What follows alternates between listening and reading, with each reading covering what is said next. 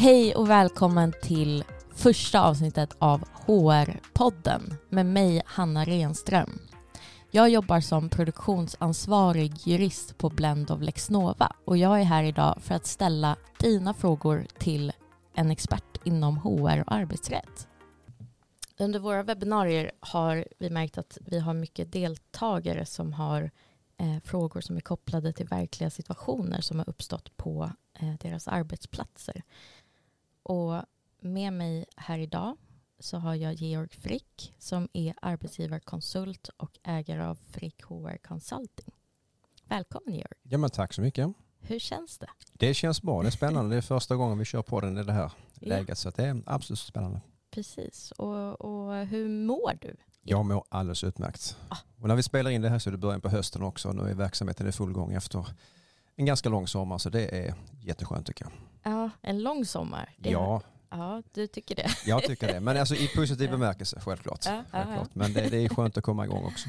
Ja. Men du har jobbat med HR-frågor i, i uppemot 30 år va? Ja, det blir nog ganska exakt 30 år i lite olika format. ja. Eh, Förhandlar i botten, inte jurist utan är förhandlare, personalvetare. Men det är arbetsrätten i tillämpning som jag har ägnat de sista 30 åren till. Eh, Både på den fackliga sidan och även på arbetsgivarsidan. Så jag har gått lite, lite fram och tillbaka. Men jag ser mig framförallt som förhandlare eller rådgivare på något sätt. Och så har du skrivit lite böcker också. Det har blivit en del böcker, ja. Ja. Både om arbetsrätt och även lönesättning. Så att det, det finns liksom en korsbefruktning mellan praktik och skriva böcker. Det ena leder fram till det andra. Vad fick dig att bli intresserad just för arbetsrätt och HR? Ja, du, jag vet egentligen inte varför det blev så. Det är så mycket annat i det här livet, det är tillfälligheter. Men backar jag tillbaka när jag valde vad jag skulle plugga så valde jag aktivt mellan antingen juristlinjen eller linjen för personal och arbetslivsfrågor som det hette på den tiden. Men jag valde aktivt personaldelen för att jag kände att det är arbetsrätten som jag ville pyssla med som Mm. praktiker. Den andra delen juridiken, nej, den var jag inte lika intresserad av. Så att det var det. Men varför det blev just det valet, det, det vet jag faktiskt inte. Nej. Det, det var bara intressant helt enkelt. Mm. Okej, ja. Och det kan ju vara eh, knepigt att, att hålla sig uppdaterad på rättsutvecklingen ehm, som, som jag har förstått det, särskilt i och med att, ehm, att arbetet med HR innefattar så många komplexa situationer. Eh, vad skulle du säga är den vanligaste typen av fråga som du stöter på i arbetet? Jag skulle nog säga det som på ett eller annat sätt man kommer tillbaka till som praktiker. Det handlar mycket om det här med misskötsel. Mm. Eller ska vi säga underprestation är kanske ett bättre ord. För Det kan ju vara en rad olika skäl till att man inte klarar av jobbet. Det kan vara hälsoskäl, det kan vara inkompetens, det kan vara felrekrytering. Men många gånger så kretsar det kring detta. Okej. Upplever du att eh, typen av frågor som, eh, som du får har, har förändrats över tid på något sätt? Ja, både ja och nej. Det har väl ändrats i den meningen att eh, om man nu ska generalisera tidigare har det kanske alltid funnits mer plats i en organisation för att Mm. hitta omplaceringen. Kanske mer skräddarsydda tjänster. Det finns inte. Det har inte funnits på länge men om jag ska titta liksom på, på ett väldigt långt tidsperspektiv. Så att man är väl lite tajtare på det. Man har väl lite eh, snabbare fram till att kunna ja, både ställa om och kanske också försöka göra sig av med personal som inte fungerar. Mhm. Så att det har funnits större möjligheter tidigare att, att kunna omplacera någon? Ja, det vill jag nog påstå. Det har i alla fall funnits en större um, ska säga, organisatorisk möjlighet. Nu, nu pratar vi stora organisationer, Ja. inte små företag. För där, där tror jag det har sett likadant ut. Men pratar vi kanske en kommun, statlig myndighet, större företag. Så är i alla fall min bild att man har haft lite större möjlighet historiskt sett att kanske hitta de här specialtjänsterna om jag uttrycker mig lite slarvigt. Mhm. Vad tror du det beror på? Det är en effektivisering helt enkelt. Och man ser kostnaden också naturligtvis för har, har en arbetsgivare råd att behålla en anställd som inte fungerar? Nej, svaret blev nej på den frågan. Mm. Okej. Och sen till det så tror jag också att man rent generellt har idag bättre kunskap i arbetsrätten. För innan har det också varit att man kanske har ibland levt i villfarelsen att vi kan ju inte vi kan inte göra så med personal. Mm. Vilket naturligtvis är en mytbildning, det kan man ju, men det ska ske på ett rättssäkert sätt. Men känner du att eh, nya LAS har inneburit att någon typ av ärenden har blivit mer eller mindre vanlig hittills? Det kanske är svårt att säga. Jag tycker det är för tidigt att säga någonting i Mm. min verksamhet. Jag tror man får nog vänta in ett år till i alla fall. Eh, Det är klart det vi landar idag det är ju ökade möjligheter till undantag för turordningen. Mm. Men det är, det, är liksom, det är ju inte någon konfliktfråga egentligen utan det är ren enkel matematik ju. Så det öppnar upp där. Men nej, jag tycker det är för tidigt att dra några direkta slutsatser av detta. Okej, men eh, eh, kan du se att LAS har förändrat någonting annat i ditt arbete? Eller sättet Alltså, ja, men sett över tid så är det ju självklart det som har gått fram och tillbaka det är ju anställningsformerna. Mm. Alltså visstidsanställningar har ju haft lite olika konstruktioner genom årens lopp. Mm. Och, det, och det är väl där man ser de stora, stora förändringarna. Mm. Möjlighet att anställa på viss tid. Hur mycket förändras eh, eh, HR, eh, liksom regelverket? Eh, alltså om man bortser från LAS, ändras det mycket i praxis eller, eller hur ser liksom rättsutvecklingen ut? Samma där tror jag, om man- om man, om man zoomar ut och tittar på längre tidsperspektiv, klart det sker förändringar. Det som du själv sa, det är ju praxis som hela tiden Mm. utvecklas. Mm. Men det är ju inga, det är liksom inga snabba steg, det är ju inte från en Nej. dag till annat. Det är det inga kan stora förändringar eh, som kommer genom ett Nej, det blir liksom inga paradigmskifte på det sättet. Det kan ju vara en ny lag som naturligtvis kommer in på, på arenan. Men, men annars är det ju rättstillämpningen som... Därför är det viktigt att man följer den här rättstillämpningen också. Mm. Det är rätt intressant om man tittar på rättsfall idag och för kanske 30 år sedan. Så Mm. ser man ju också att man kanske arbetsdomstolen också resonerar lite olika idag. Jämfört med vad man gjorde för 30 år sedan Mhm. i vissa avseenden. Mm. Okej. Ehm, tycker du att det är lätt eller svårt att vara arbetsgivare i Sverige? Tycker väl det generellt sett är lätt. Men Det är ju lätt för mig att säga som, som jobbar med arbetsrätten. Men, men jo, men det ska jag nog påstå. Jag tycker det, det är klart det finns ju frågor som kan vara mer eller mindre invecklade. Men nej, jag skulle nog säga lätt ändå Ja, faktiskt. okej. Så ehm, det här med som man kan få uppfattningen om att, att det är i princip omöjligt att få sparken i Sverige om man inte missköter sig grovt. Eh, hur ser du på det? Är det en myt? Eller? Det är en mytbildning. Det är en mytbild? Den, är, Ja. den, den har väl vandrat runt så länge jag kan minnas. Ah, okej. Och man kan säga att eh, det ska ju inte vara för lätt. För det handlar ju om Mm. rättssäkerhet. Det är ett Mm. annat sätt att beskriva samma sak. ju. Mm. För alternativet är att du får en godtycklighet. Och, och det tror jag är ett mycket värre scenario. Så det ska inte vara för lätt men det ska inte heller vara för svårt. Nej, och det tycker jag, det kan vi börja följa rättsutvecklingen. Att det, Mm. det är klart att arbetsgivaren kan bli av med personal eh, på olika sätt. Men det ska gå till på ett korrekt sätt. Just det. Hur bra koll har arbetsgivare generellt på, på eh, reglerna som, som gäller i Sverige? För det stora hela tycker man har väl hyfs eller hygglig koll. Eh, Ja. Sen kan vi alltid hitta undantag. Det som, jag ska inte säga stöka till det, men som, som gör det speciellt det är ju kollektivavtalsregleringen. Mhm. Där kan det bli väldigt branschspecifikt. För att eh, ställer vi frågan utifrån en statlig verksamhet, pratar vi kommunal verksamhet, pratar vi ett företag med kollektivavtal, pratar vi företag utan kollektivavtal. Och där tror jag vi har liksom ett slutande plan när vi pratar kunskapen. Eh, Även finns det en HR-funktion eller finns det inte en HR-funktion? Alla de här parametrarna spelar självklart in i den, den samlade bedömningen. För Det är klart, jag möter ju arbetsgivare alltifrån de som har väldigt bra koll till de som har faktiskt noll koll för att uttrycka mig lite slarvigt. Mm. När måste man ha en HR-avdelning? Eller en HR-person? Jag har väl alltid sagt för min egen del att kommer du upp till drygt en hundra anställda då bör man ju överväga någon form av HR-funktion permanent. Men det är bara min uppfattning. Jag kan inte säga att jag har några direkta belägg för det. Men jag brukar liksom ha det som en slags tumregel. Är du färre än 100, du behöver HR-stöd, ja, men då kanske inte du kan ha en på heltid. Mm. Eh, Då kanske du får köpa in den tjänsten. Där Ja. kommer jag in väldigt mycket också och stöttar företag i den meningen att de är tillräckligt stora för att ha HR-frågor men de är egentligen för små för att dra runt en HR-ansvarig. Okej. Och då är ju risken, eller ja, risk, sannolikheten att det här hamnar på ekonomiavdelningen. Mm. Och då möter man ju ofta en ekonom som dessutom ska hantera personalfrågorna. Ja. Eh, Och med all respekt, Och ekonomen är kompetent på, på, på ekonomi och kanske lönehantering och Ja. arbetsrätten kan ju vara lite mer eh, tveksamt där. Mm.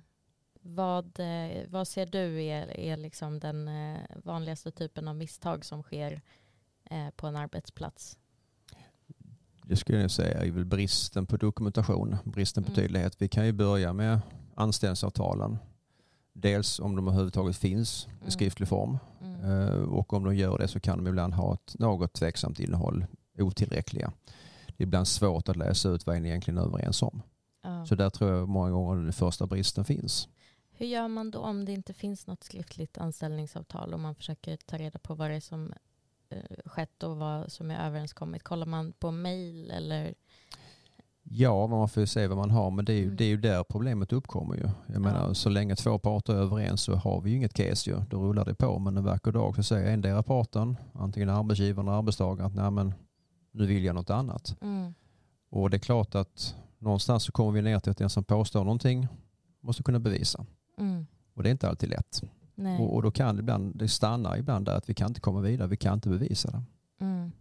Och det kan ju vara fråga om både kanske vilken lön man var överens om eller vilken arbetstid eller tjänstgöringsgrad eller ingick tjänstebil eller ingick inte tjänstebil eller hur var det med friskvård, ingick det eller inte ingick det? Alltså Mm. massa sådana här frågor kan ju dyka upp men det oftast blir det ju form att det har hänt någonting. Man får en konflikt eller man, man vill ändra någonting. Mm. Kan det bli eh, eh, oklart till exempel vad, vilken anställningsform Ja, det rör sig ja i allra högsta Ja. grad. Och då, då faller man tillbaka på LAS-regeln att det är tillsvidareanställning som är huvudregeln och då är det kan man säga så att det är arbetsgivaren som tar risken. Mm. För att det finns en oklarhet om det är oftast arbetsgivaren som då påstår att person X är visstidsanställd. Mm. Antingen som vikarie eller särskild visstidsanställd. Men går det inte att bevisa, ja då faller vi tillbaka på LAS paragraf 4. Anställningsavtal gäller tills vidare. Mhm. Och nu menar du, du ställde frågan tidigare om nya LAS. Där Mm. har vi också heltid som norm som är utgångspunkten. Och det betyder samma sak där att om det inte klart framgår i anställningsavtalet att det inte är frågan om kanske en deltidsanställning, ja då är det heltidsmåttet som gäller. Mm. Och det kan ju också vara en sån här fråga där en arbetsgivare i efterhand hävdar att ja, men vi var ju överens med person X om anställning på 80 procent. Men det framgår inte av anställningsavtalet. Nej, men då kan det bli en oklarhet. Okej, då kan man titta på hur, hur har man betalat ut lön tidigare. Så att man kan ju ibland resonera sig fram till vad har gällt. Men osäkerheten och oklarheten kommer drabba arbetsgivaren helt klart. Mhm. Okej, och det här med timanställning. Det är ju också en av, avdelning för mytbildning. Ja. Giga, ga, gigantiska proportioner ska jag säga. Ja, Eh, precis. Ska vi reda ut det en gång för alla nu Ja, eh, med, med brasklappen att ja, det kan finnas något, något kollektivavtal möjligen så, som innehåller timanställning. Jag får ändå säga det som en reservation eftersom anställningsformerna är ju dispositiva i kollektivavtal. Eh, och vi har på svenska arbetsmarknaden, jag tror det är drygt 700 kollektivavtal enligt Medlingsinstitutet. Så att med det sagt så kan man kanske inte till 100% säga att det inte existerar men generellt sett så är det en mytbildning. Mm. För att timanställning handlar mer om timlön. ja. Och ska vi generalisera så antingen så är det ju anställd som vikarie eller som särskilt visstidsanställd. Sen Mm. kan det vara timme för timme. Och då är det lätt att det blir liksom att folk pratar om det som att det är en timanställning. Men ja, det är i den meningen, men anställningsformen är ju fortfarande vikariat eller särskild visstidsanställning. Eller om det finns en annan anställningsform i, i kollektivavtal. Kan man vara tillsvidareanställd på timme? Ja, det kan du vara. Det brukar jag kalla för någon form av slavkontrakt. Du, du Mm. kan i, teorin i alla fall ha en tillsvidareanställning men det har liksom ett, eh, du jobbar vid behov. Mm. Eh, Det är ju, det är ju dåliga avtal helt enkelt. Okej. Inget du rekommenderar? Nej, inte för någon. För det innebär då för arbetstagaren rent tekniskt att jag förbinder mig att stå till arbetsgivarens förfogande och arbeta när arbetsgivaren så vill att jag ska arbeta. Mm. Och det är en form av slavkontrakt skulle jag hävda. Mm. Och där tror jag många blandar ihop det för att om vi tar till exempel inom eh, tar sjukvården, tar hotellbranschen till exempel, så kan du ha en lista där du ringer in folk. Mm. Men då innebär det ju rent tekniskt att du ringer och erbjuder ett anställningsavtal när behoven finns. Och då ska ju den personen kunna tacka nej. Ja. De har ju inte en arbetsplikt till arbetsgivaren, de får ett erbjudande. Men det brukar koka ner att man upplever sig som timanställd. Okej. Eh, det här med hemarbete har ju varit en, eh, en het fråga. Kan man, eh, kan man tvinga någon att vara på kontoret? Ja, det kan man. Det kan man. Ja, utan, utan problem kan svara ja på den frågan. Det, det enda som kan säga att man inte skulle kunna det, då skulle det framgå av anställningsavtalet. Mm. Att vi är, är liksom överens om var min arbetsskyldighet finns rent tekniskt, alltså rent geografiskt. Mhm. Då ska det ju någonstans stå i mitt anställningsavtal att jag är anställd för att utföra arbete på min hemadress. Men i övrigt så är det arbetsgivaren som leder för det arbetet.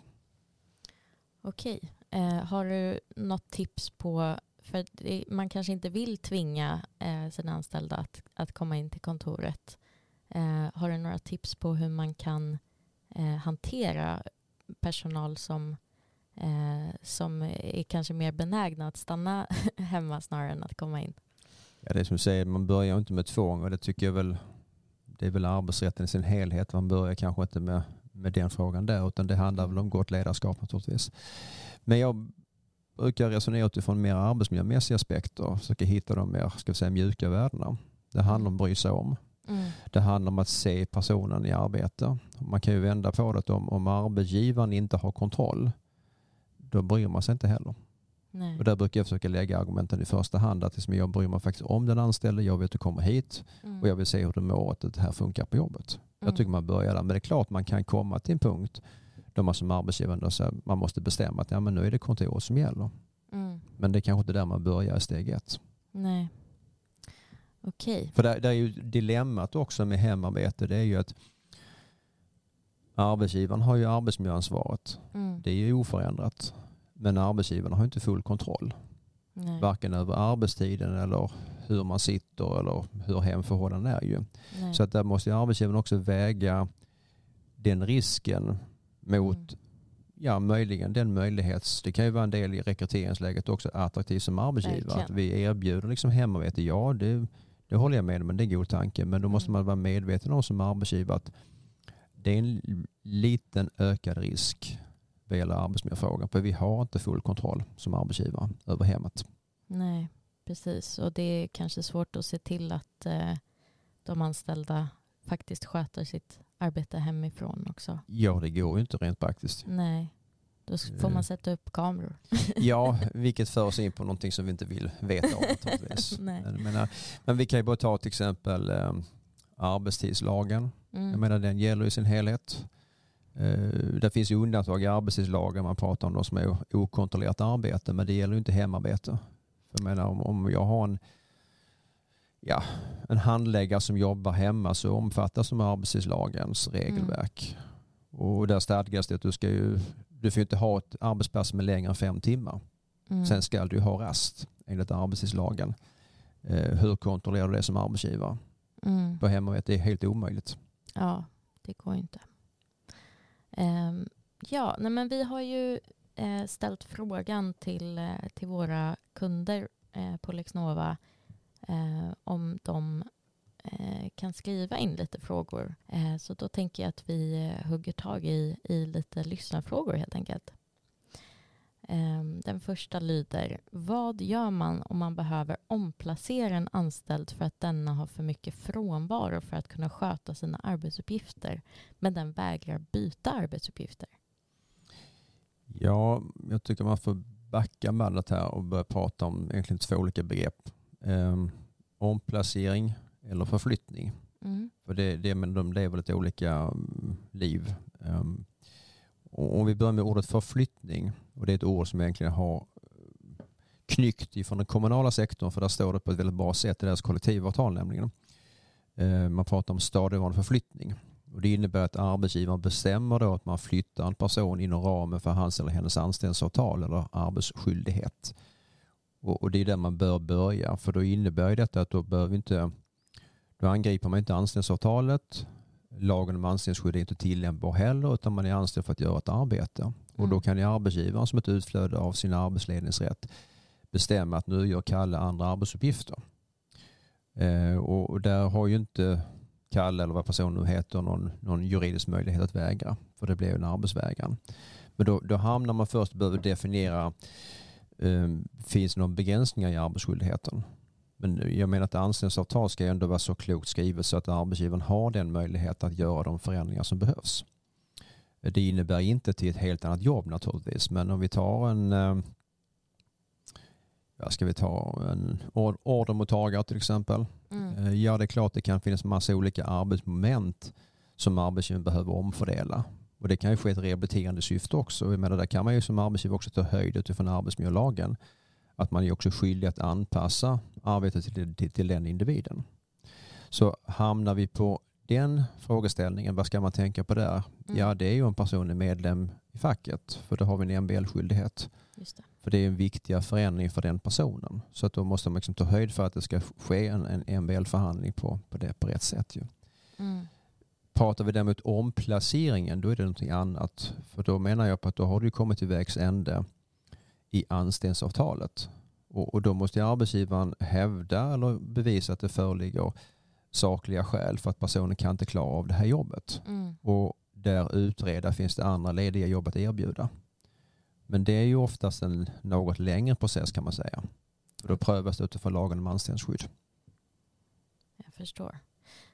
Ehm, men eh, ehm, okej, okay, så att om man kommer då till, till det här läget eh, där man har ehm, löpt linan ut så att säga vad, vad gäller att byta arbetsuppgifter inom ramen för anställningsavtalet. Eh, och den här personen har helt enkelt för mycket frånvaro för att det ska fungera. Då blir det omplacering som blir... Man börjar liksom nysta i detta ja. frågeställning. Sen som du säger här, frånvaron, ja det beror på vad det är för frånvaro naturligtvis. Ehm, mm. Jag utgår för att det är lovlig frånvaro vi pratar om. Ja. För den är olovlig, då är det snabbare ut för då är det ett avsked egentligen. För då är olovlig frånvaro, mm. då blir man av med jobbet ganska lätt. Men om vi tänker det är sjukfrånvaro, ja det, det, man kan inte använda frånvaron i sak som ett argument. För då kommer vi liksom i konflikt med annan lagstiftning eller handlar det ännu mer om, om eh, föräldraledighet. Ja, då har man ju ett ganska starkt skydd i föräldralagstiftningen. Mm. Och där menar jag på att där kan ju inte arbetsgivaren göra så himla mycket. Alltså då, då är inte fokus på själva frånvaron utan fokus måste vara på närvaron. Mm. Hur fungerar personen vederbörande är på jobbet? Det är där man måste bygga argumenten. Man kan liksom inte bara bygga den på frånvaron i, i sak. Okay. Men det kan ju vara ett jobb som, ja, vad ska jag dra till med, som är så betingat att du, du måste liksom ha en, en nästan absolut närvaro. Mm. Och då kan man av verksamhetsmässiga skäl behöva göra, en förändring. Även där tycker jag att man kan resonera utifrån en slags arbetsmiljömässiga aspekter. På vilket sätt menar du då? Ja, än en gång det ska anpassas till individens förutsättningar. Mm. Men, men eh, jag, jag, tror så att pratar vi frånvaron då är det ju förflyttningen som, som är arbetsgivarens främsta verktyg. För där kan arbetsgivaren ändå bestämma relativt mycket själv. Mm. Um, omplaceringen där skulle jag säga den är ju den är svår att hävda för då krävs det att personen inte fullgör sina arbetsåtaganden. Men jag har ju rätt att vara sjukskriven. Jag har ja. rätt att vara föräldraledig. Jag har rätt att vara studieledig etc. Jag har rätt att vara ledig för enskilda angelägenheter och så vidare. Så att där är det betydligt svårare för arbetsgivaren att göra någonting. Men har du rätt att eh, utföra endast de arbetsuppgifter som står i avtalet? Nej, det är ju också den här mytbildning att man tror att jag är bara anställd för just detta. Mm. Och då är vi tillbaka på det här med arbetsskyldigheten och den är ju oftast mer omfattande än vad arbetstagaren tror. Mm. Men då är vi också inne på sedvänja, det lokala företaget eller myndigheten eller kommunen. Okay. Nu sa jag ordermottagare som ett exempel. Vi kan prata förskollärare, vi kan prata handläggare från myndighet till exempel. Mm. Vad innebär det jobbet? Det är kanske oftast inga skyddade titlar utan vilka normalt förekommande arbetsuppgifter har en ordermottagare till exempel på företag X? Mm. Då, då, får man föra det resonemanget. Okay. Eh, en annan fråga då. Hur agerar arbetsgivaren om den anställda inte är tillgänglig, inte kan kallas på möten eller eh, inte svarar i telefonen till exempel? Eh, pratar vi under arbetstid? Det är ja. min motfråga. Ja, det är ju arbetsvägran. Om, mm. jag nu, om jag nu ska försöka göra någon slags enkel beskrivning så är väl det läget arbetsrättsligt inte alltför svårt att hantera. Det vill säga arbetsvägran är ju grund för ett avsked. Dock är det ju inte här och nu utan det krävs att arbetsgivaren självklart söker kontakt med arbetstagaren, Mm. Anmäler att arbetstagaren ska återgå i arbete. Men om så inte sker, ja, då kan man ju ganska snabbt framme på varsel och underrättelse om avsked. Okej.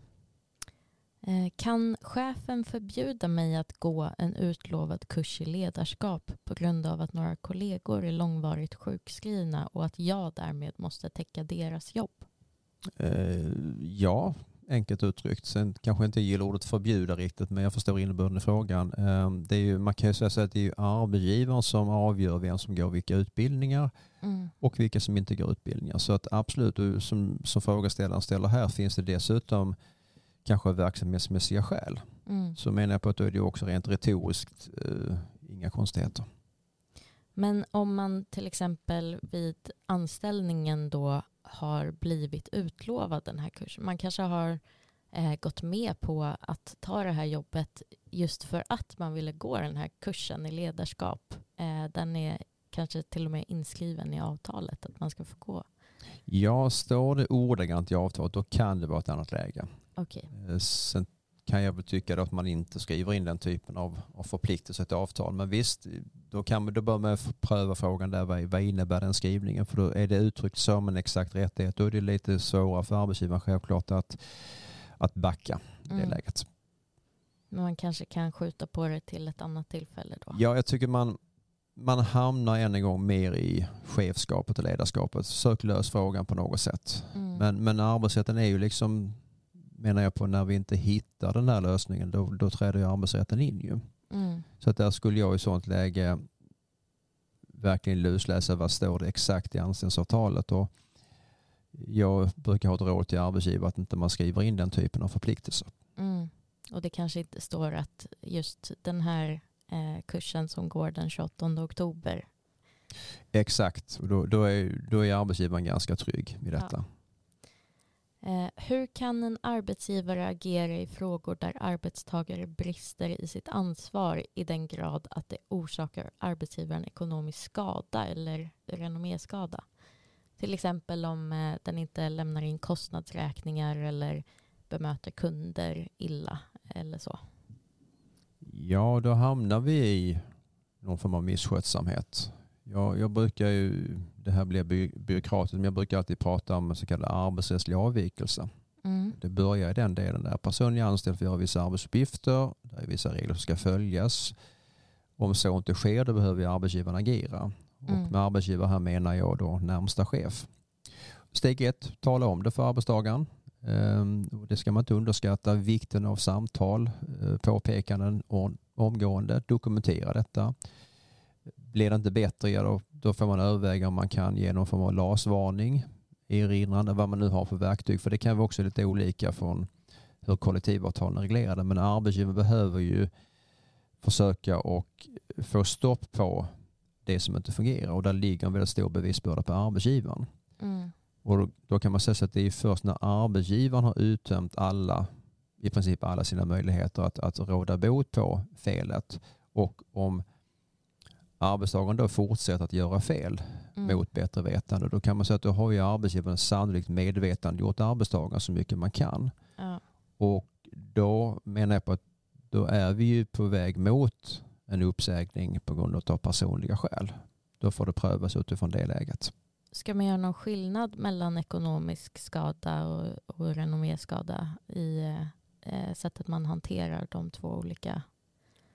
Jag tycker det är två olika skador. För man, om jag uttrycker mig lite slarvigt här så är det ju tre punkter vi måste ha koll på vid uppsägning av personliga skäl. Ju. Det är ju dokumenterad misskötsamhet. Det är en medvetenhet och sen har vi som du säger här också skaderekvisitet. Och, Mm. och det kan ju vara både en ekonomisk skada, det kan vara förtroendeskada Mm. och oftast är det en kombination av det. Okej. Och visst, jag kan väl säga så att det finns det finns en ekonomisk skada så innebär det i sin tur att förtroendet också är skadat. Ju. Mm. Det kan ju vara en ekonomichef som eh, gör massa tokigheter som det kostar pengar. Då har man ju tappat förtroendet ganska så ordentligt för den ekonomichefen. Mm. Men eh, om man till exempel bemöter eh, kunder på ett dåligt sätt eller är otrevlig eller så. eh, så ja, att men det, det är absolut påverkande. ja. Det är ju också en del. För då, då, då måste arbetsgivaren ställa sig ungefär följande fråga.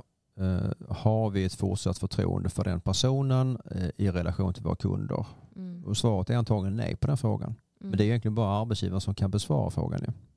Men det kanske kan vara svårt att bevisa, tänker jag, att, att någon har agerat otrevligt. Eller? Ja, och då är vi tillbaka på den första punkten. Kan vi Ja. överhuvudtaget bevisa att Mm. det som sägs har hänt? Ja. Och kan man inte göra det, då faller ju hela caset.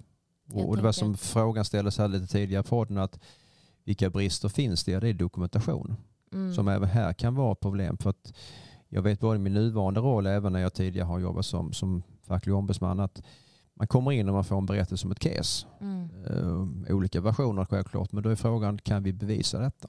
Finns det vittnesuppgifter? Finns det egen iakttagelse? För att Mm. annars är det risk att man hamnar i ett tyckande Ja. och, och då är det rättsosäkert. Och då kan man inte agera på det heller. Nej, och då, där tänker jag att det kan vara lättare att, att bevisa att det har skett en ekonomisk skada. Att, Nej, jag skulle säga så här att den, skadan är ju en konsekvens av mm, det som har hänt. Så att vi måste ändå gå tillbaka till vad är det arbetstagaren har gjort fel? Och, Mm. och väldigt konkreta händelser, när, var, hur? Ja. Och i relation till vad? I relation till det regelverk vi har. Mm. Eh, Det är liksom den, viktigaste biten i bevisningen. Och kan vi inte bevisa det då kan vi aldrig komma vidare heller ju. Mm. Så att jag menar på att skadan, det jag menar på det är det minst komplicerade egentligen för att det är ju egentligen en slutsats av, vi kan bevisa att det har hänt, vi kan bevisa att vi har medvetande gjort, men trots detta så fortsätter personen att göra fel. Mm. Där har vi tappat förtroendet. Mm. Så den, den tycker jag på något sätt, den, Mm. den, den nästan ger sig själv, men, men vi är tillbaka till, kan vi inte bevisa liksom det vi påstår, då har vi inget case heller. Nej, just det. Eh, och eh, den här frågan som kommer nu är lite på samma tema som den förra. Eh, finns det några åtgärder att vidta när en arbetstagare är oaktsam med företagets materiella tillgångar? Till exempel telefoner som tappas bort, datorer som hanteras på så sätt att de går sönder eh, och så. Ja, vi, som jag sa här tidigare, det handlar ju om steg ett samtal i vardagen. Eh, Fel kan vi göra alla, Mm. klumpiga kan vi vara alla. Alla har vi tappat en telefon i golvet någon gång, garanterat. Men jag förstår frågan här, liksom det, jag tolkar det som att det är upprepade tillfällen. Ja. Eh, Att vara klumpig är inget, inget brott i den meningen, men det visst, eh, är det ytterligheter så måste arbetsgivaren gå in och agera. Och ännu värre om det finns liksom någon form av uppsåt att man är arg på arbetsgivaren och man, man på ett medvetet sätt är vårdslös med utrustningen. Mm. Eh, Då är det en form av misskötsamhet som, som arbetsgivaren måste agera på. Men vi är tillbaka där, kan vi bevisa det? Um, har, vi, har chefen talat om det för arbetstagaren? Eh, har vi kanske gett en LAS-varning? Men visst, det kan också ytterst leda fram till skiljande från tjänsten. Mm. Okej. Eh, sista fråga som har kommit in här. Då. Eh, jag undrar om avstående av konvertering till en tillsvidareanställning. Är det först när aktuell dag inträffar som avstående kan göras? Eller funkar det att skriva ett avstående inför en eventuell anställning eller en timvikarie som är nära konvertering och som då kan komma in om ett avstående görs? Ja, eh, konvertering det är ju den här så kallade omvandlingsregeln i LAS. Eh, som innebär att om du har varit vikariatsanställd eh, en viss tid så övergår den till tillsvidareanställning. Eh, Mm. och det är ju konverteringen. Vi har ju ett liknande regelverk i särskild visstidsanställning. Lite andra tidsfrister förvisso. Eh, frågan måste egentligen besvaras utifrån vilket kollektivavtal är det som gäller för här finns det olika avvikelser. I kommunal sektor till exempel, de har en skrivning i sitt kollektivavtal, vet jag för det har jag jobbat en hel del med, där arbetstagaren kan avsäga sig den här konverteringen. De kan avsäga sig, jag tror det är för sex månader i, i, i taget. Mm. Men jag vill komma till, frågan var ju kan man redan i anställningsavtalet skriva in att man avsäger sig? Och svaret på den frågan är nej. Eh, Vi kan alltså inte på individnivå avtala bort den här konverteringen för att det Mhm. krävs stöd i kollektivavtal för den saken. Många blandar ihop det här med företrädesrätten. För den kan ju individen själv avstå ifrån för det krävs att man anmäler sin företrädesrätt till återanställning. Men konverteringen är ju utifrån LAS-perspektivet, den, den rullar på av sig själv ju. Ja. Det går ju liksom inte att avstå ifrån detta på det sättet. Då måste man ha ett kollektivavtal som, som backar upp den möjligheten. Och där vet jag inte frågeställaren om det är från en kommun eller nej, inte. precis. Men, men om jag svarar på frågan så tillvida kan vi kan arbetsgivaren och arbetstagaren göra en överenskommelse om att arbetstagaren avstår från sin konvertering? Och på den frågan är svaret nej, enligt min uppfattning. Okej. Eh, inte innan den här aktuella dagen för konvertering då? Nej, så det skulle ju hamna i ett rättsosäkert läge för att konverteringen är ju en rättighet Mm. för arbetstagaren. Den är till för att arbetsgivaren inte ska rulla visstidsanställningar i allt för lång tid. Mm. Och skulle vi då hamna i ett läge där vi bara spekulerar att arbetsgivaren sätter upp ett villkor för anställningen att arbetstagaren redan från början avsäger sig den rätten, Mm. då skulle hela regelverket vara rent urholkat. Mm. Så det, det, det är jag tämligen övertygad om att det skulle inte hålla vid en rättslig prövning. Okej. Det motverkar liksom hela syftet med, med den skrivningen. Mm. Ja, intressant. Eh, tack snälla för att du kom hit Georg. Tack själv, vad kul att få komma hit. Absolut. Eh, jätteroligt eh, tycker jag att det här var. Och eh, tack också till er som har lyssnat och eh, skrivit in frågor till oss idag. Eh, och i oktober så är HR-podden tillbaka med en ny gäst, Lisa Eriksson. Eh, passa gärna på att skriva in frågor som ni vill att vi pratar om då. Tack så mycket.